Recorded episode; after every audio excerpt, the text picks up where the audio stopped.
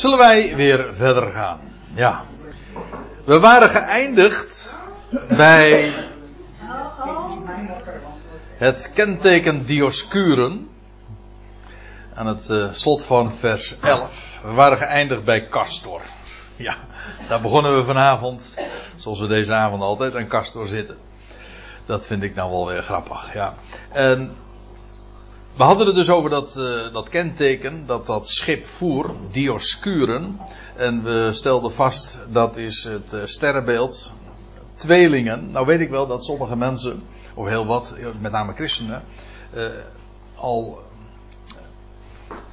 eigenlijk er niet aan kunnen denken, laat ik het zo formuleren, niet aan kunnen denken dat sterrenbeelden iets anders zouden zijn dan demonisch en occult belast en beladen. En ik al ja, jaren geleden. Ik herinner mij dat we, zelfs in Rijnsburg heb ik dat uh, een keer een hele studiedag geloof ik aangeweid. Ja. Oh, is dat zo? Ik vond dat zo mooi. Ja. Over de betekenis van de sterrenbeelden. Ja, de oude mensen worden ook gek van sterrenbeelden. Maar is altijd uitspansel continue handelen. Ja. Nou, meestal is er veel meer dan nu hoor. Ja, tegenwoordig is die kennis is enorm verloren, uh, verloren gegaan. Dat komt ook natuurlijk mede. We, we zijn sowieso uh, ja, het contact met de natuur steeds meer kwijtgeraakt door de, alle automatisering, technologie. Ja. Trouwens, uh, zoveel kunstlicht. We zien eigenlijk al nee. zelden meer sterrenlicht. Ja, dus we kijken niet meer omhoog. We kijken letterlijk en figuurlijk ook niet meer omhoog. Het licht in. En ja, ook in vroege dagen, bijvoorbeeld uh, zeelui, die, die navigeerden op, op de sterrenbeelden. Dus er was een enorme kennis, maar ook de betekenis ervan, daarvan was men doordrongen. Of in ieder geval dat het een betekenis had. En dat is prachtig, ja. Want het loutere idee dat men de, dan zegt van ja, sterrenbeelden is occult. Hoezo? Er is, God heeft de sterren gena, gema, geschapen, gemaakt. Psalm 147, hij noemt de sterren bij namen. En er staat, niet alleen de sterren noemt hij bij namen, maar ook de sterrenbeelden. Hij spreekt over de Orion, over de Pleiade, het zevengesternte. Dus die, die sterren, net wat uh, zojuist wordt aangehaald, op Psalm 19. De hemel vertelt zijn eer. Kijk, het, de leugen van het heidendom is dat die sterrenbeelden van u en mij spreken. Dat het dus als ik naar die sterrenbeelden kijk en ik ben geboren in het sterrenbeeld, als de zon zeg maar door het sterrenbeeld vissen gaat in, in de maand maart ongeveer, nou dan ben je dus geboren in, onder het sterrenbeeld vissen en dat zou iets over mijn toekomst zeggen. Maar de sterren vertellen niet mijn heerlijkheid, maar zijn heerlijkheid. Het uitspansel verkondigt zijn der handen werk. Dus daar gaat een geweldige sprake van uit. Niet alleen van die sterren, niet alleen maar dat er een God is, maar ook het hele verhaal ervan de, de weg die de zon gaat, als een jubelende held, zo staat het er, hè? Doen we het prentenboek van God. Ja, is geweldig, ja. Prentenboek van God. Ja, en, nou, er zijn twaalf sterrenbeelden, dat wil zeggen hoofdsterrenbeelden, want elk van die twaalf sterrenbeelden, die hebben dan ook weer drie decanen, dus in totaal zijn er dus als elk, uh, als elk van die twaalf sterrenbeelden drie decanen, zijn er in totaal dus 48 sterrenbeelden. Dat zijn die, die decanen, dat zijn dan begeleidende sterrenbeelden. En men spreekt dan over drie boeken. Dat wil zeggen, die twaalf hoofdsterrenbeelden, die zijn dan verdeeld in drie boeken. Dat wil dus zeggen drie keer vier sterren. Of de, als ik de decanen ook nog meereken, dan zijn dat drie keer zestien sterrenbeelden. En ik, zeg, ik nu even samen. Want ik wil, ik, het gaat me nu niet om, eh, om een verhaal te vertellen over de sterrenbeelden in het algemeen, want dat zou veel te ver voeren. Maar ik wil wel eventjes laten zien waarom die dioscuren uh, een, een belangrijke betekenis hebben. Ook in verband met handelingen 28, met wat er gaande is. Want in het algemeen is het zo, uh, het, het, makkelijkste en dat, om dat te onthouden is dat de sterrenbeelden, die vertellen eigenlijk het grote verhaal van God van de, vanaf de maagd tot aan de leeuw, zeg ik altijd. als ik het zo zeg, dan moet er toch in ieder geval wel een belletje gaan rinkelen. Hè, want het begint inderdaad allemaal met de maagd, die zwanger zal worden. En het eindigt met de leeuw van Juda, die overwint. Nou, dat is precies ook het verhaal van de sterrenbeelden. Want het begint bij de maagd, dat is de eerste, het van ouds het eerste sterrenbeeld. En het eindigt bij de leeuw. En als je het zo zegt, ja, dat is het pad dat de zon gaat. Gedurende een heel jaar. En dat eerste boek, die eerste drie, uh, die eerste vier sterrenbeelden, die gaan allemaal over uh, de eerste komst van Christus. En bijvoorbeeld heb je het sterrenbeeld de weegschaal, dat heeft te maken met de prijs die betaald is. Uh, trouwens ook de maagd, hè? uiteraard, daar begint het mee. Nou ja, uh, in ieder geval die sterrenbeelden die gaan over de eerste komst van Christus. Dat tweede boek gaat eigenlijk over het resultaat daarvan, maar ook de onderbreking. Feitelijk ook met de tijd waarin wij nu leven. En dat derde boek van de sterren, van de sterrenbeelden, dat beschrijft de tweede komst. Oftewel de definitieve terugkeer van Christus. Eindigend bij de leeuw, zeg maar. Dat is het laatste sterrenbeeld dan. En over dat derde boek, daar, daar hebben we het nu even over. Want het tweede sterrenbeeld van het derde boek, dat is Dioscure. De tweelingen. Of Gemini, of nou ja, welke taal je het dan ook zegt. Oftewel, dat zijn Castor en Pollux. Die tweelingen, dat is heel grappig. Want ik zei al. Uh, ja, dat trouwens, dat betekent het woordje tweeling. Dat zijn uh, er twee, maar die eigenlijk één zijn. Hm? Dat is toch wat een tweeling is. En dat is precies wat in dat sterrenbeeld de tweelingen, of de tweeling, ik weet eigenlijk nooit hoe je dat, of je dat nou in het enkelvoud of het meervoud moet zeggen. Ja, het gaat meestal in tweelingen. Ja. Ja, die zijn de tweeling. Ja. Hij, ja, dan zeggen hij is een tweeling. Hij is er één van de tweeling. Hij is er één van de tweeling, ja. Zij zijn twee tweelingen. nou ja. Kom uit één ei. ja, we komen uit de één ei, ja. Ja. Maar uh, dat zie je trouwens ook weer dan vervolgens bij de, de decanen die bij de tweelingen horen. Essentieel is dat het, uh, de, de, het zijn er twee, maar ze zijn één. Dat betekent, degene die straks in heerlijkheid zal verschijnen, dat is dezelfde als hij die eens kwam in vernedering. Het, hij verschijnt in twee, maar het is één en dezelfde. Dat is wat in die tweeling wordt uitgedrukt. Dat zie je ook, want Pollux, dat is, betekent letterlijk de gebo uh, die geboren is uit het licht. Lux, hè, lux, dat is licht. Pollux betekent geboren uit het licht. Maar Castor, dat betekent richter. Nou, dit heeft te maken met de eerste komst van Christus. Dit heeft te maken met de tweede komst van Christus. Maar ze zijn één. Dat is het idee. Zodat die, dat schip dat uit Alexandrië komt. Dat uh, vaart. En dat neemt nou vervolgens het gezelschap mee. En het vaart onder dat teken. Onder het kenteken boegbeeld van de Dioscuren, van Castor en Pollux. Oftewel, degene die twee, maar feitelijk één zijn. Oftewel, degene die geboren is uit het licht, maar verschijnt als de rechter. Of de richter. Degene die, en dat is wat het woordje richter eigenlijk ook betekent, degene die alles recht zet. En recht doet zodat, uh, ja, daar gaat natuurlijk een sprake van uit. Want dat betekent dus dat dat, dat schip wijst al op de toekomst. Op wat er gaat gebeuren op, dat, op die derde dag. Nou, precies dat is waar ook. Uh, waar dit hele boek over gaat en waar het boek ook mee afsluit. Ook op die toekomst. Goed, nou, ja, over die sterrenbeelden. Dat zou, daar zouden we trouwens ook een heel seizoen aan kunnen wijden. Over 48 sterrenbeelden. Ja. Nou ja, ik hou, ik hou het even in beraad. Die, ja.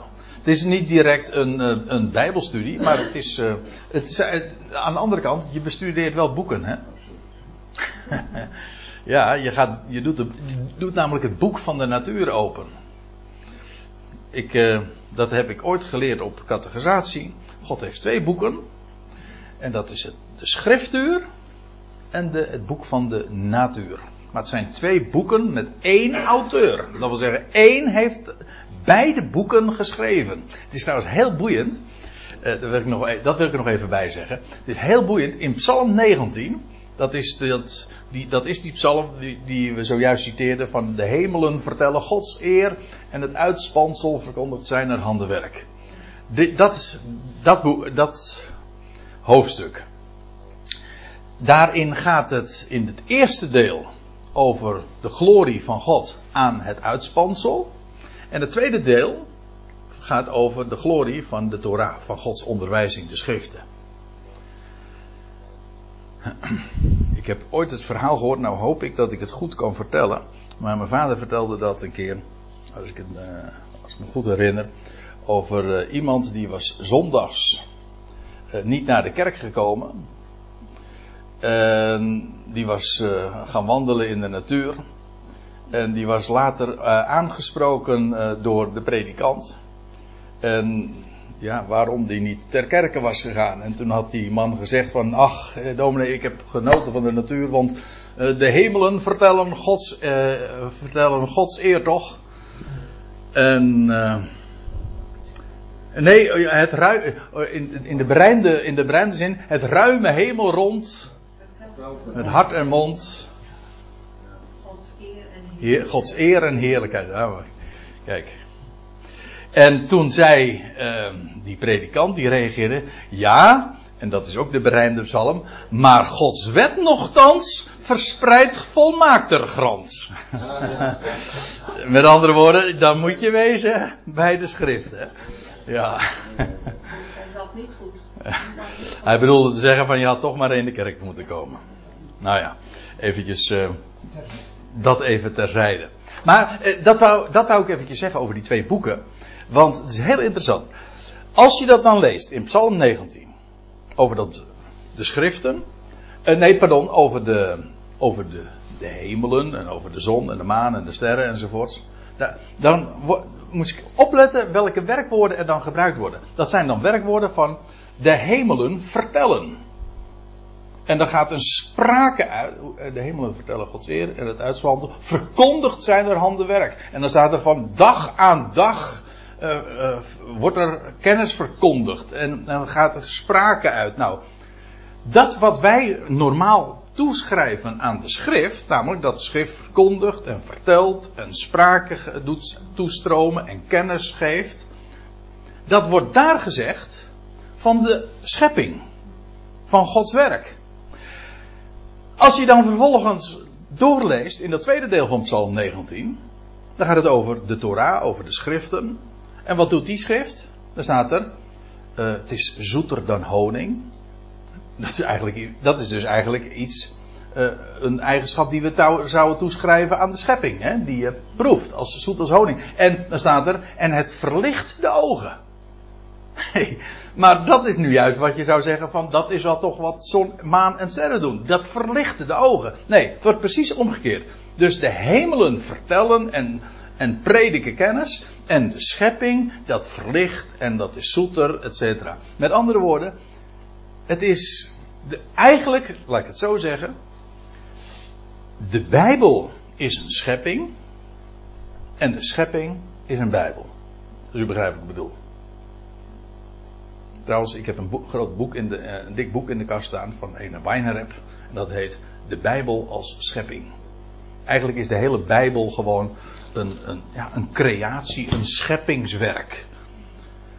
Maar omgekeerd is de schepping een één groot boek waarin kennis en informatie gegeven wordt.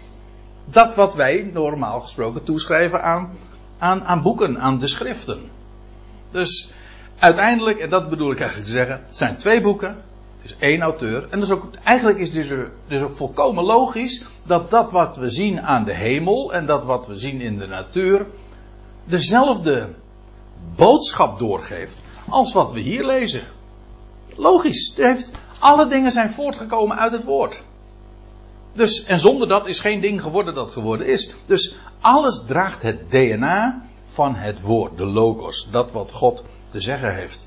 Dus ja, de sprake, ongeacht waar we ons zeg maar naartoe wenden, naar de schrift of naar de, naar de natuur, de sprake is dezelfde, is volstrekt identiek. Het verwijst naar die ene grote God. En dat vind ik geweldig om te ontdekken. En, en of je nou over hebt over sterrenbeelden, of je hebt het over honing, of je hebt het over het verhaal van de bijen of de mier, of nou, noem maar op. Alles in de natuur, of de seizoenen, hè, en hoe, hoe de dood wordt overwonnen en nieuw leven, zoals we dat nu in het voorjaar weer meemaken. Het is allemaal de sprake van God zelf.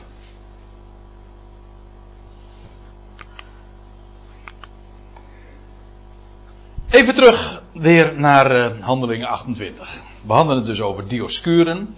En met dat schip, dan lees je vers 12. En aan land gaande te Syracuse. Syracuse. Ik weet niet hoe je de klemtoon goed legt. Maar dat is, uh, dat, dit, dit is de hoofdstad uh, van het eiland uh, Sicilië. Heb ik het goed geschreven? Ja, ja, ja, ik ben namelijk iedere keer in de war met Cilicië. Dat is waar Paulus namelijk vandaan komt. Dat waar Tarsus lag. Dat is, het, dat is daar bij Turkije. Dit is hier. Kijk, laten we eventjes naar de kaart ons wenden. Dit is het eilandje Malta. En hier heb je ja, de, de driehoek. Hè, de, en dit is dus Cilicië. Je, je ziet het door de. Zei ik het nou weer verkeerd? Sicilië, ja, sorry. Sicilië. Ja. Het heeft uh, tegenwoordig erg de reputatie een erg uh, een eiland te zijn waar de criminaliteit en de maffia erg heerst. Maar uh, dat even terzijde. Hier, dit is de, dus de plaats waar ze naartoe voeren. Ehm, als ik me niet vergis was dit een kilometer of honderd, dus dat was in een dag wel te doen. Uh, dit was de hoofdstad. Trouwens, ik heb uh, begrepen dat in uh, het Grieks. Dan ben ik toch de naam kwijt. Maar dan betekent het eigenlijk. het, het eiland van de drie hoeken. Ja, het is, eigenlijk, het is gewoon een driehoek. En het schijnt zelfs in de, de vlag van Sicilië. de vlag van Sicilië is, is ook een driehoek. Gewoon de vorm van het eiland. En dit is trouwens des, deze straat tussen de laars van Italië, zo heet dit, hè, de laars van Italië. Heb je zo'n uh, zo'n kleine gevaarlijke zeestraat of zeeweg. En dat is de Messana. Hè? De straat van Messina. Messina? De straat van Messina. Oh, ik. Dat. Ja, oké, oké. Okay, dat zo. tegenwoordig uit de straat van Messina. Oké, okay, oké. Dus uh, dat was de gang die Paulus dus maakte met dat schip van Malta naar. naar de, dus ze hebben drie maanden uh, overwinterd op het eiland, uh, eilandje Malta. En vervolgens zijn ze dus verder gegaan en zijn ze hier aangeland. En wij verbleven daar, ja, drie dagen. Weer drie dagen. Dit is de tweede vermelding. Drie dagen in het huis van Publius. Hier deze drie dagen een tussenstop. Hè? een onderbreking ook weer. En straks zullen we trouwens nog een keertje, nou ja, straks. In uh, vers 17 kom je nog een keertje de drie dagen tegen. Namelijk na drie dagen roept Paulus dan de voormannen van de Joden op in, uh, in, in Rome. Dus één hoofdstuk, drie keer die vermelding van drie dagen. Drie keer drie is, ja, zeggen we nou. Van waar we omvoeren en bereikten Regium. Nou, dat is, dat is die punt van de laars van Italië. Kijk, hier heb je dus Regium. Dit is helemaal de uiterste zuidpunt van. Uh, en aan het, ook het zuidpunt van die straat Messina. Hoe zei je? Die, uh, daar lag dus Regium. En dat zal, ongetwijfeld, uh, zal weer een dag varen geweest zijn, stel ik me zo voor. En dan staat er, en, van, en na één dag stak een zuidenwind op. En op de tweede dag kwamen wij te Puteoli. Dat, uh, kijk, dat moet dan, dat is een, een uh, aanzienlijk uh, langer stuk. Maar als je dan de wind, een zuidenwind krijgt, Nou, dat uh, moet uh, snel te varen zijn. Dat, dat lees je dan ook. En na één dag stak een zuidenwind op. En op de tweede dag kwamen wij te Puteoli. Dus dat is heel snel gevaren. Maar dat kon omdat ze de wind mee hadden. En dat Puteoli, dat uh, ligt aan de golf van Napels. Even boven Pompeii. Tegenwoordig heet die stad, dat wist ik ook niet, maar goed, ja, daar. Uh, ik ben sowieso niet zo bekend in, uh, in Italië. Ik ben er ooit één keer geweest. En toen heb, ben ik alleen in Rome geweest. Maar uh, deze stad heet, het is nog steeds een, een havenstad. Maar toen de tijd was het zelfs de belangrijkste havenstad van Italië, Puteoli. Tegenwoordig heet die stad dus Pozzioli. Echt zo typische Italiaanse namen. En dat is dus hier, Puteoli. Hier, hier uh, komen ze aan land en de rest die Paulus nog heeft gereisd is allemaal over land gegaan. Moesten ze nog 200 kilometer trouwens hoor. Eventjes lopen. Ja. En dat Puteoli, dat ligt dus daar bij die golf van Napels. Napels ligt daar net eventjes ten zuiden van. En uh, het ligt ook uh, niet zo ver van Pompeii. Trouwens, dit, als dit heeft gespeeld, ik neem aan in het jaar 60. Misschien 61, maar goed, in, uh, het was inmiddels na de winter, dus uh, laten we aannemen dat dit in het jaar 60 was. Het zou nog 19 jaar duren dat hier, uh, want dit is een omgeving van drie grote vulkanen, dat was het de Vesuvius? Die toen uitbarstte in het jaar 79. Dat zou 19 jaar dus nadien zijn dat die, de Vesuvius uitbarstte en dat hele, die plaats Pompeii helemaal bedolven heeft in één ogenblik. Nou ja, het is een, een, een, wereldberoemd natuurlijk, de, de stad. Want ja, mensen, die, die stad hebben ze vervolgens blootgelegd. En wat ze zien is gewoon mensen die daar uh, op straat wandelden en die een hondje uitlieten. En die in een, ene keer dus helemaal onder de lava bedolven zijn. Gewoon ter, in, in een fractie van een seconde is dat gebeurd. Of iets in die geest. Dat is zo enorm snel gegaan. En dus een hele stad hebben ze blootgelegd. En daardoor, met name door de opgraving in Pompeii, heeft men ook heel veel uh, ontdekt over ja, hoe dat uh, toeging in de. In, want het was een flinke stad, Pompeii, in die dagen. En hoe dat uh, toeging en hoe de, hoe de steden er toen uitzagen. En, en allerlei wetenswaardigheden over, over het Romeinse leven in die dagen. Ja, dat is allemaal zeg maar ter plekke en in één moment geconserveerd. En het is nu uh, allemaal nog gewoon intact gebleven. Dat is heel wonderlijk. Ben je er geweest? Ja. Oké. Okay. Nou, dat geloof ik. Ja, ik, ik zou er ook dolgraag eens een keer naartoe willen.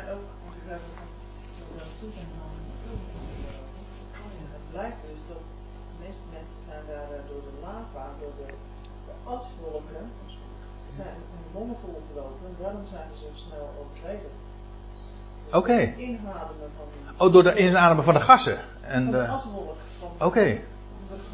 Oh, dus niet zo de, de lavastroom? Nee. Oké. Oké. Oké, dat, ja. Dat... Nee, anders was het verbrand. Juist. Ja. Oké. Okay. Da daar zijn ze gelijk in gestikt. Juist. Oké. Okay. Ja, dat, uh, dat moet een gigantische uitbarsting geweest zijn. Ja. En volstrekt onverwacht ook. Maar uh, dat, we, we praten dan dus over diezelfde tijd, in de eerste, de eerste eeuw. En enkele jaren nadat Paulus hier dus uh, aankwam, zou dat, uh, die uitbarsting van de Vesuvius plaatsvinden. Een aparte gedachte, als je daar zo aan denkt, van dat dat in diezelfde periode zo is geweest.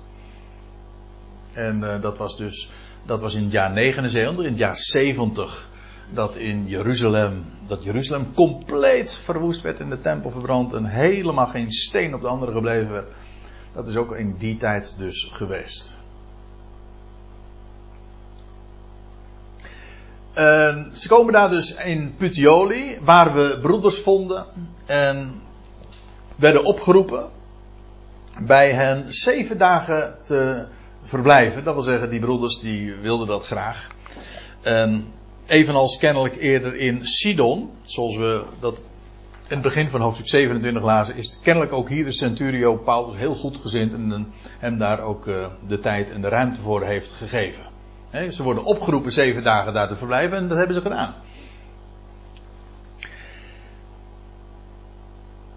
En kennelijk was er ook niet al te veel haast. Dat mag je, dat mag je ook hieruit opmaken, lijkt mij. En zo kwamen wij te Rome. Wij, dat is hier het gezelschap wat al veel eerder genoemd was. Namelijk Paulus, de schrijver Lucas en nog die andere man uit Macedonië, Aristarchus. Die ook al eerder vermeld was. Zo kwamen wij te Rome.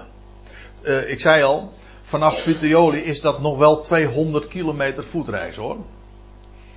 Via een hele bekende uh, route. Waarover nu even meer, want er staat er. Vandaar kwamen de broeders, die hoorden omtrent onze zaken. Dat is interessant, want hoe. Hoe kwamen ze dat te weten, ja? uh, zijn er, uh, hadden ze mensen ontmoet die al eerder weggegaan waren naar Rome en die uh, mensen, de mensen in Rome op de hoogte hadden gesteld van Paulus komt eraan. Moeten niet vergeten, Paulus had vele bekenden in Rome hoor. Want hij had al veel eerder uh, de brief aan de Romeinen geschreven. Nou, lees maar eens een keer na in Romein. Oh, ik heb hier Romeinen 15, maar dat moet hoofdstuk 16 zijn. In het slot van de Romeinenbrief, dan lees je dat Paulus eh, vele mensen die in Rome daar verblijven, de groeten doet. En dan spreekt hij hen ook hele hartelijke woorden toe. Met andere woorden, Paulus is bekend met die, uh, deze mensen, deze inwoners van Rome. Ja, dan kun je vervolgens gaan speculeren, hoezo was dat? Waar uh, was hij daar bekend mee? Hij had zelf het Romeins burgerrecht. Heeft dat er iets mee te maken? Dat hij toch connecties had met Rome, dat hij er al veel vaker geweest was. Ga speculeren. In ieder geval, hij had vele bekenden in Rome. Want dat hele hoofdstuk 16 van de Romeinenbrief is niet anders dan uh, verwijzen naar mensen die hij allemaal al kende en ook de groeten doet. En hij, hij schrijft trouwens ook van ik hoop en hij, wilde, hij bad ook vurig dat, hij, dat hem de weg geopend zou worden om naar Rome toe te gaan. Nou, nou ging hij naar Rome op een andere manier dan dat hij toen de tijd gedacht had. Namelijk als gevangene. Vandaar kwamen de broeders die hoorden omtrent onze zaken tot op Forum Appius en Tres Tabernae om ons te ontmoeten. Dat zijn twee plaatsen die uh, ergens op die weg, op die route liggen tussen Puteoli en Rome. Forum Appius, dat lag 65 kilometer van Rome. En Tres Tabernae, Tres betekent ja, drie, dus drie. En Tabernae, ons woordje tabernakel herken je er trouwens ook nog in. Tavern ook, dat betekent herberg. Drie herbergen dus. Zo heette die plaats. En dat was 50 kilometer van Rome. Dus Paulus is op reis naar Rome, maar uh, hij wordt. Er zijn broeders die hem tegemoet komen en hem ontmoeten op de, bij de Forum Appius. Dus als ze nog 65 kilometer te gaan hebben en later ook in Trestabene als ze nog 50 kilometer te gaan hebben. Om eventjes een beeld te krijgen. Ik heb de landkaart even gekanteld. Uh, dus hier kwam die aan in Puteoli, die havenstad. Hier heb je de stad Napels dus. Tenminste wat het tegenwoordig dan Napels is. Ik weet niet of dat toen ook wel bestond. Ze zijn zo via deze route gegaan. Het is een hele uh, bekende weg. En er zijn nog talloze restanten nog van, uh, van deze route. En komen ze vervolgens bij Forum Appii. Appii. En vervolgens, nog weer eventjes later, bij Trestaberne. En hier is dan Rome. En dus mensen uit Rome zijn hen hier tegemoet gekomen. En toen Paulus hen waarnam, dankte hij God en een greetmoed. Hij werd daar zeer door bemoedigd. Mede natuurlijk ook, omdat hij al veel eerder, jaren eerder, al zo verlangde om naar Rome toe te gaan. En ook ongetwijfeld om vele bekenden weer te zien. En toen Paulus hen waarnam, dankte hij God En hij greep moed. Ja. Aanvankelijk had ik gedacht van nou ik kom tot zover. En misschien is het inderdaad een goed idee om het hier ook even bij te laten. Dan gaan we dus de volgende keer inderdaad verder met uh, het verblijf van Paulus in Rome. En wat hij daar nog te melden heeft. Want uiteindelijk het slot van het boek, dat is wel heel markant en ook buitengewoon belangrijk om daar goed zicht op te hebben.